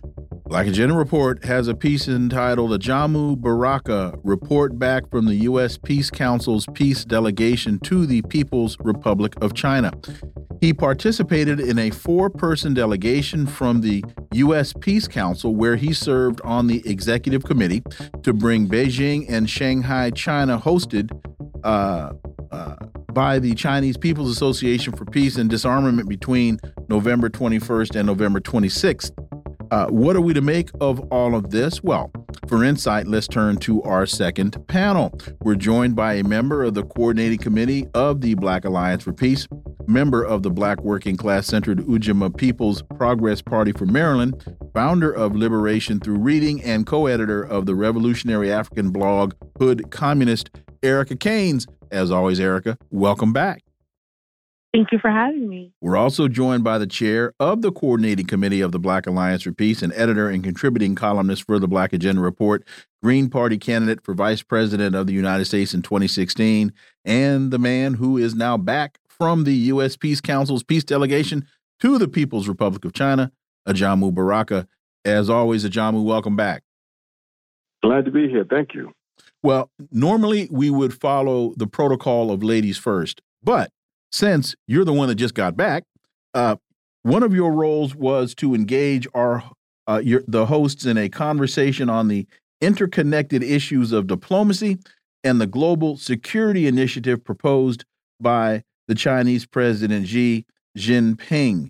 And one of the things that I, I you know, when I when I read what President Xi is talking about, and when we look at what the United States is trying to do to China as it relates to uh, Taiwan, when we look when we listen to what President Putin talks about, and we look at what the United States is trying to do, how the United States is trying to bait Russia uh, into a major conflict with Ukraine as its proxy. Uh, your thoughts, uh, Ajamu, the interconnected issues of diplomacy and global security proposed by President Xi? Thank you so much for that question. Um, um, the conversation was a very enlightening one. It was quite clear that the the Chinese are, in fact, committed to uh, trying to uh, construct a uh, international security architecture that can avoid what appears to be a uh, momentum toward uh, major conflict between the two nations. The issue of diplomacy for them is a very important one. Uh, they believe that um, most of the issues that we see emerge in the international community can be settled through peaceful means if there's a will to, in fact, do that. For them, diplomacy is important, and it's important to link that to, though, of the realities in the world. And we know that there's some uh, nations that are more aggressive than others, uh, and have have have have interests that they are defined that might lead them to uh, take on more you aggressive policies toward their neighbors. So, uh, President Xi Jinping has proposed a um, global uh, security initiative uh, that would uh, augment that of the United Nations uh, to try to fill a, a space where, uh, when the UN um, is unable to to act, that there are, are, are corresponding principles and even at some point structures that that will allow the international community to act uh, in cooperation to address major uh, challenges to international law and the protection of human rights. I think we see with the situation in Gaza um, a, a dramatic example of what happens when the international community is unable, because of the disproportionate influence and power of a handful of states and the ability of one state to exercise a veto power within the context of the UN Security Council, how that can completely undermine uh, the, the the the world community in addressing the the criminal activity of any state, and in this case, of course, the criminal activity of the of the Israeli fascists uh, with the full support of the U.S. So, the, our conversations were around these kinds of, of challenges, these kinds of issues. Uh, and uh, one of the conclusions we came up with was even though we see the, the need for strengthening and, and perhaps, even transforming the state structures and state relationships, what is really key, and, and the reason why we took the, uh, the visit, was really key is developing the people to people relationships and building stronger international popular structures that would allow us, allow the people to exercise their uh, their their positions uh, and their demands on various states. And and Erica, uh, Ajamu just mentioned construct an international security architecture, um, and uh, basically a, a, new world order of a multipolarity, while the United States is trying to deconstruct international security and maintain the, the dying unipolar structure under the pretext of the rules based order that is articulated uh, ad nauseum by um, by Tony Blinken. Yeah, well, as Ajamu notes, um, in the report back. In contrast, U.S. diplomacy has a core value system informed by a doctrine of full spectrum dominance, as opposed to a practice of conducting international relationships or relations with a tact that requires accepting the trajectory of the rest of the world away from U.S. dollar hegemony and towards more peaceful uh, resolutions. Um, and peace, as in the Black radical uh, tradition of peace or Black radical peace tradition, um, a tradition that Black Alliance of Peace subscribes to. But what it's noted in that report back is that this is true diplomacy, unlike the full spectrum dominance that the U.S. practices, which requires ultimately um, a projection of U.S. military power globally, um, not to mention um, economic strangles, uh, politically, and even a cultural dominance through soft power mechanisms. So like, wait a minute. Let me let me quickly add one more thing because you said globally. Now it's even universally with the space force. Right. Right. The fact that the U.S. has carved up the world in space now, um, to all of these military commands, um, to that point, that full spectrum dominance. So I think the significance of Ajamu's report back was just offering a sober firsthand anal analysis to the alternatives to the U.S. EU NATO axis of domination and why those alternatives pose such a threat. Um, um, uh, uh, Ajamu, also, if you could speak to this other reality, I think that has to be um, that has to be discussed, and that is two things together. The U.S., the, the, the Western capitalist system is collapsing. It is an absolute crisis, which is driving its militaristic moves towards, you know, Russia, China, et cetera. And uh, the, the reality that this system is furious anytime it see anytime it sees an alternative um, uh, economic and cultural system, in this instance, socialism, starting to thrive, and God forbid outgrowing it and being more successful and that a significant part of the animus is oh no here's an alternative system that at this point china is working better than ours and ours is in crisis about to collapse. Ajamu. Well i mean yes yes you're right and and, and that's why it's very important that we have more effective uh, systems in place at both the state level and the popular level to try to put a brake on the the the commitment that the U.S. and Western powers have made to uh, use force and coercion to try to uh, maintain the uh, the global status quo. The Chinese uh, understand that desperation, um, and in our conversations, we we tried to make sure that uh, as we talk with some of the Chinese scholars and and, and other NGOs, that that uh, recognition of an objective logic that the U.S. is following is understood by all. Uh, we, we sort of detected uh, a, a, I wouldn't call it a naivete, but we, we a, a desire on the part of, of many officials uh, to want to avoid conflict, which is understandable.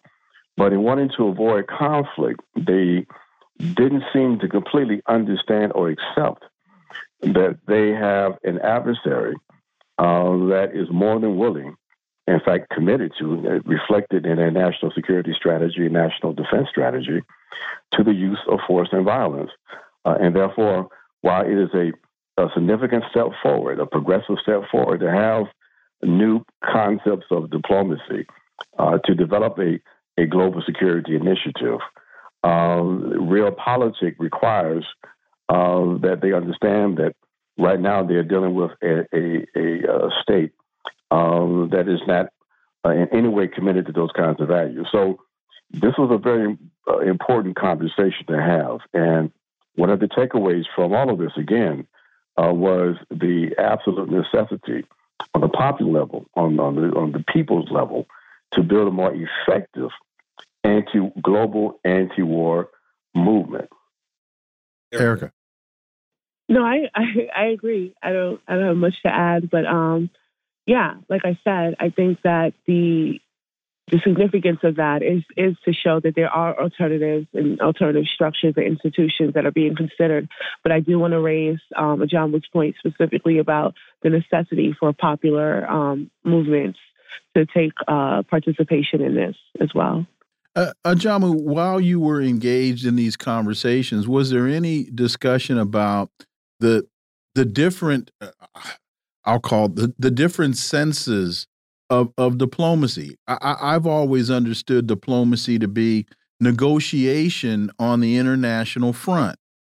But when Tony Blinken goes to meet with the Chinese delegation in Anchorage, he wants to start a, a, a lecture with them to the point where they that that Chinese delegation and say, no, we're not going to sit here and let you lecture us. We're China. You you know, talk to the hand. We're we're not we're not down with this. And then it it it deteriorates so much to the point. Well, and the United States approach is capitulate first, and then we'll talk. Capitulate to our demands first, and then we'll talk um, where we saw recently uh, Wang Yi came out and said China demands that you stop interfering in Taiwan. And, you know, being the diplomats that they are, China rarely uses what on the international scene would be considered strong language. So there seems to be to two totally different understandings of diplomacy. Well, you're absolutely right, and, and I would I would um, I would suggest that if, if folks haven't have a chance to to look at uh, to to read my report back in the latest issue of the Black Agenda report uh, on on and I contrast what you described as a zero sum approach on the part of the U.S., in which there's always going to be a winner and a loser, and they call that diplomacy, versus the the Chinese uh, concept, win-win. One one seeks out a, a common ground, and you try to create a situation where everybody wins. It's win-win, uh, and so that's a a, a fundamentally different sort of core value. Uh, one is operating from a position where you've been a boss for for decades, and, and in fact, if you didn't associate that with with the Western world, you've been the boss for 500 years, uh, and so therefore, you know, you know, when you say you tell the natives to jump, you know, you expect for them just to say how high, and that's it.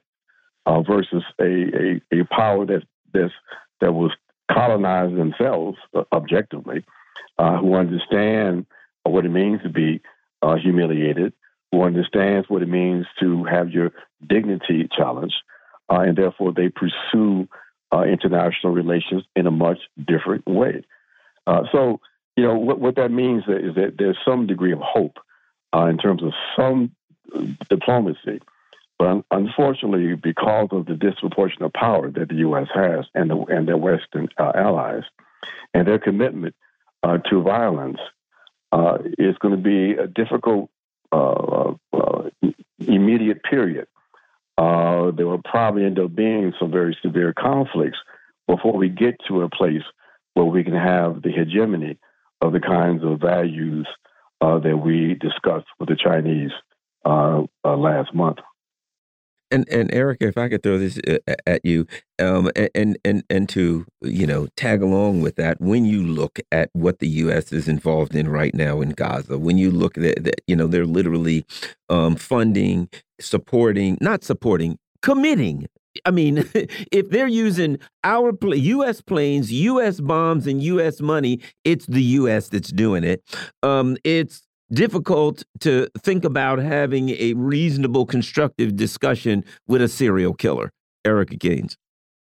Right. Um, not just in Gaza, but in Ukraine. Uh, you can see the U.S. Uh, most recently was trying to agitate a situation between Venezuela and Guyana. It's very stretched thin um, in the amount of things that it's attempting to do uh, to hold on to that sort of full spectrum dominance and, and continue to expand its hegemony because of the crisis that it's facing. Um, so I do agree uh, that th- there might be some sort of naivete around um, expecting diplomacy on the U.S.'s part. So we can see that even today, I believe that they uh, called down uh, a, a, ceasefire for Gaza. Um, so expecting people like that to have some um, diplomacy in, in, in matters of resolve and resolution in terms of how nations coexist, mm, you know, takes a lot of hope. but um, but I do believe that China is offering a solution in terms of how these processes can happen. But I also think, to Ajamu's point, the best way to have these institutions and these processes actually be fulfilled is through a popular uh, front and a popular movement that pushes the ideals of, of diplomacy. Uh, John, well, I want to read a statement from uh, a, a, brilliant political theorist and activist and, and get your thoughts. Um, this came to us earlier today. Any African who thinks the settler criminals that rule the U.S. state who can justify Gaza and will systematically murder, sanction, and attack nations globally to maintain white supremacy will provide reparations, in quotes, in any form to Africans is either delusional or an agent. You want reparations, defeat U.S. colonial capitalist settler state. Oh, you said that. Ajamu Baraka. Yes, that was in one of my uh, uh, more lucid uh, uh moments, uh, I guess because what I'm referring to is what we're talking about right now. I mean, Gaza has, I think, literally changed everything. There can no more, there can no longer be any naivety when it comes to uh, how far these gangsters will go to maintain their power.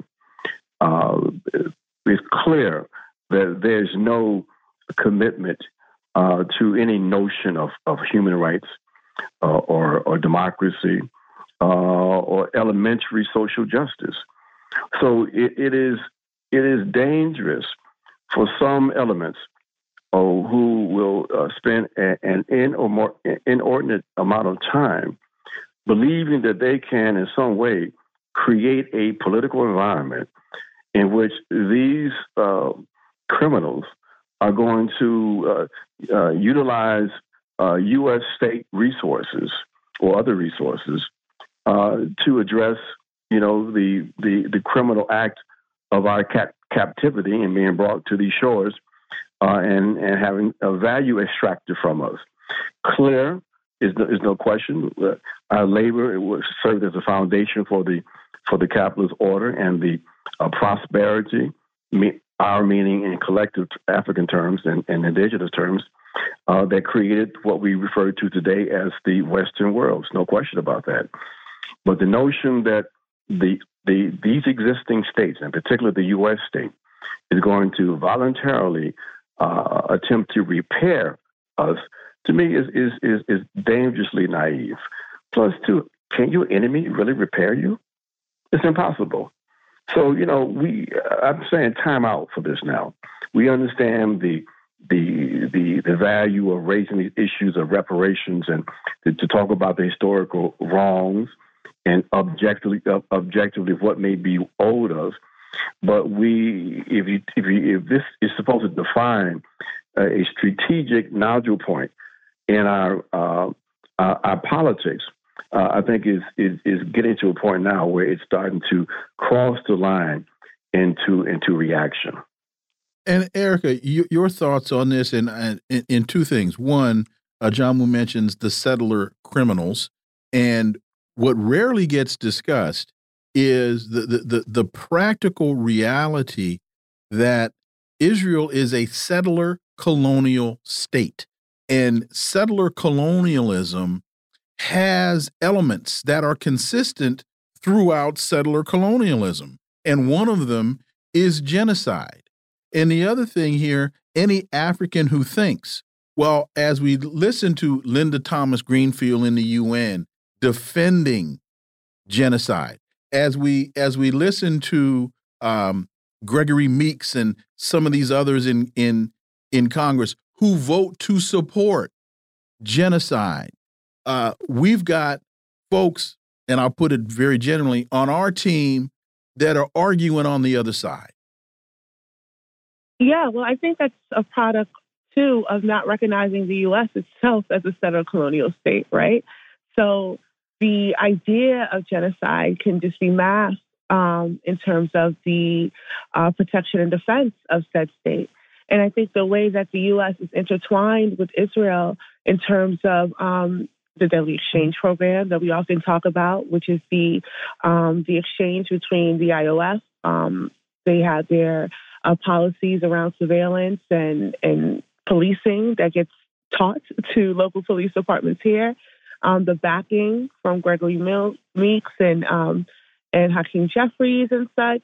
Those are all products of you know an internally colonized subject within the settler colonial state. Like we have to really recognize why and how these Black leaders end up in these particular positions um, in defense of these things because they are easily defending it here domestically, right? These are the same people that we would see that easily pass for the Department of Defense budget that is connected to the 1033 that calls for more policing. We can see black faces across these cities in, in major cities that are democratic that are pushing for these same sort of policies that are directly connected with Israel. So if we're seeing them in defense of Israel, it's because we see these th- these things play out here, and there is a failure to recognize what the settler colonial conditions are here in the U.S. Two two quick, quick comments on that too. No, uh, take your time. I think two things that we try, try to do. One, we remind people that the one of the staunchest supporters of the apartheid regime in South Africa was in fact uh, Israel. Uh, and secondly, we remind people that, as, as Eric just pointed out, that this is a settler colonial state also. And at the core uh, of this of a settler colonial project is in fact violence. Uh, and so if if the if the U.S. can and, and if the U.S. can justify support for the the slaughter of the racialized people of who, who we refer to as Palestinians, we raise the questions: What in the world do you think that implies for us? You know, so we we say time out now for all of this is nonsense. We are entering a period of open warfare. And if people don't recognize or afraid to accept the fact that they are waging war against us, that's all right. We just say step out of uh, uh, step out of step to the side, you know, go to the margins or drop out whatever, and let us get prepared to try to make sure we survive and that we're able to develop our forces so we can advance. But but Ajamu, they're not going to step aside because they have a job to do. Lloyd Austin yeah. has a job to do. Linda Thomas Greenfield is on a mission.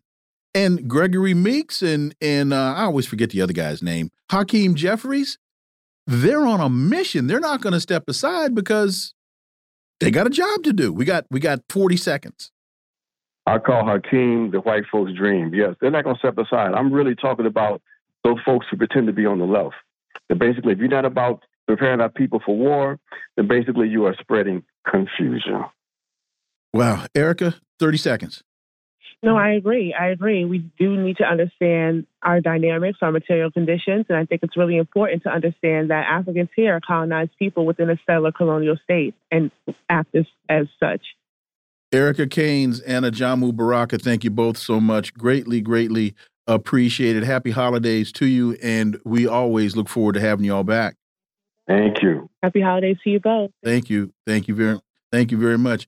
Uh, Garland, that, that statement by Jamu is is incredibly, incredibly powerful and on point. I, I, agree because it is a recognition that you know basically the mask is off. That now, when really pushed into a corner and afraid that they would lose their imperial military outpost in the Middle East, that there's nothing that the U.S. empire won't do, even if its people say, "Hey, we want you to back off the violence." The they they feel threatened and they're very, very dangerous right now. Folks, you've been listening to the Critical Hour here on Radio Sputnik. Thank you for allowing our voices into your space on behalf of myself and my co host, Garland Nixon. We hope you were informed and enlightened, and we look forward to talking with you all right here next week on Radio Sputnik. Happy holidays to you. Peace and blessings. Be safe. We're out.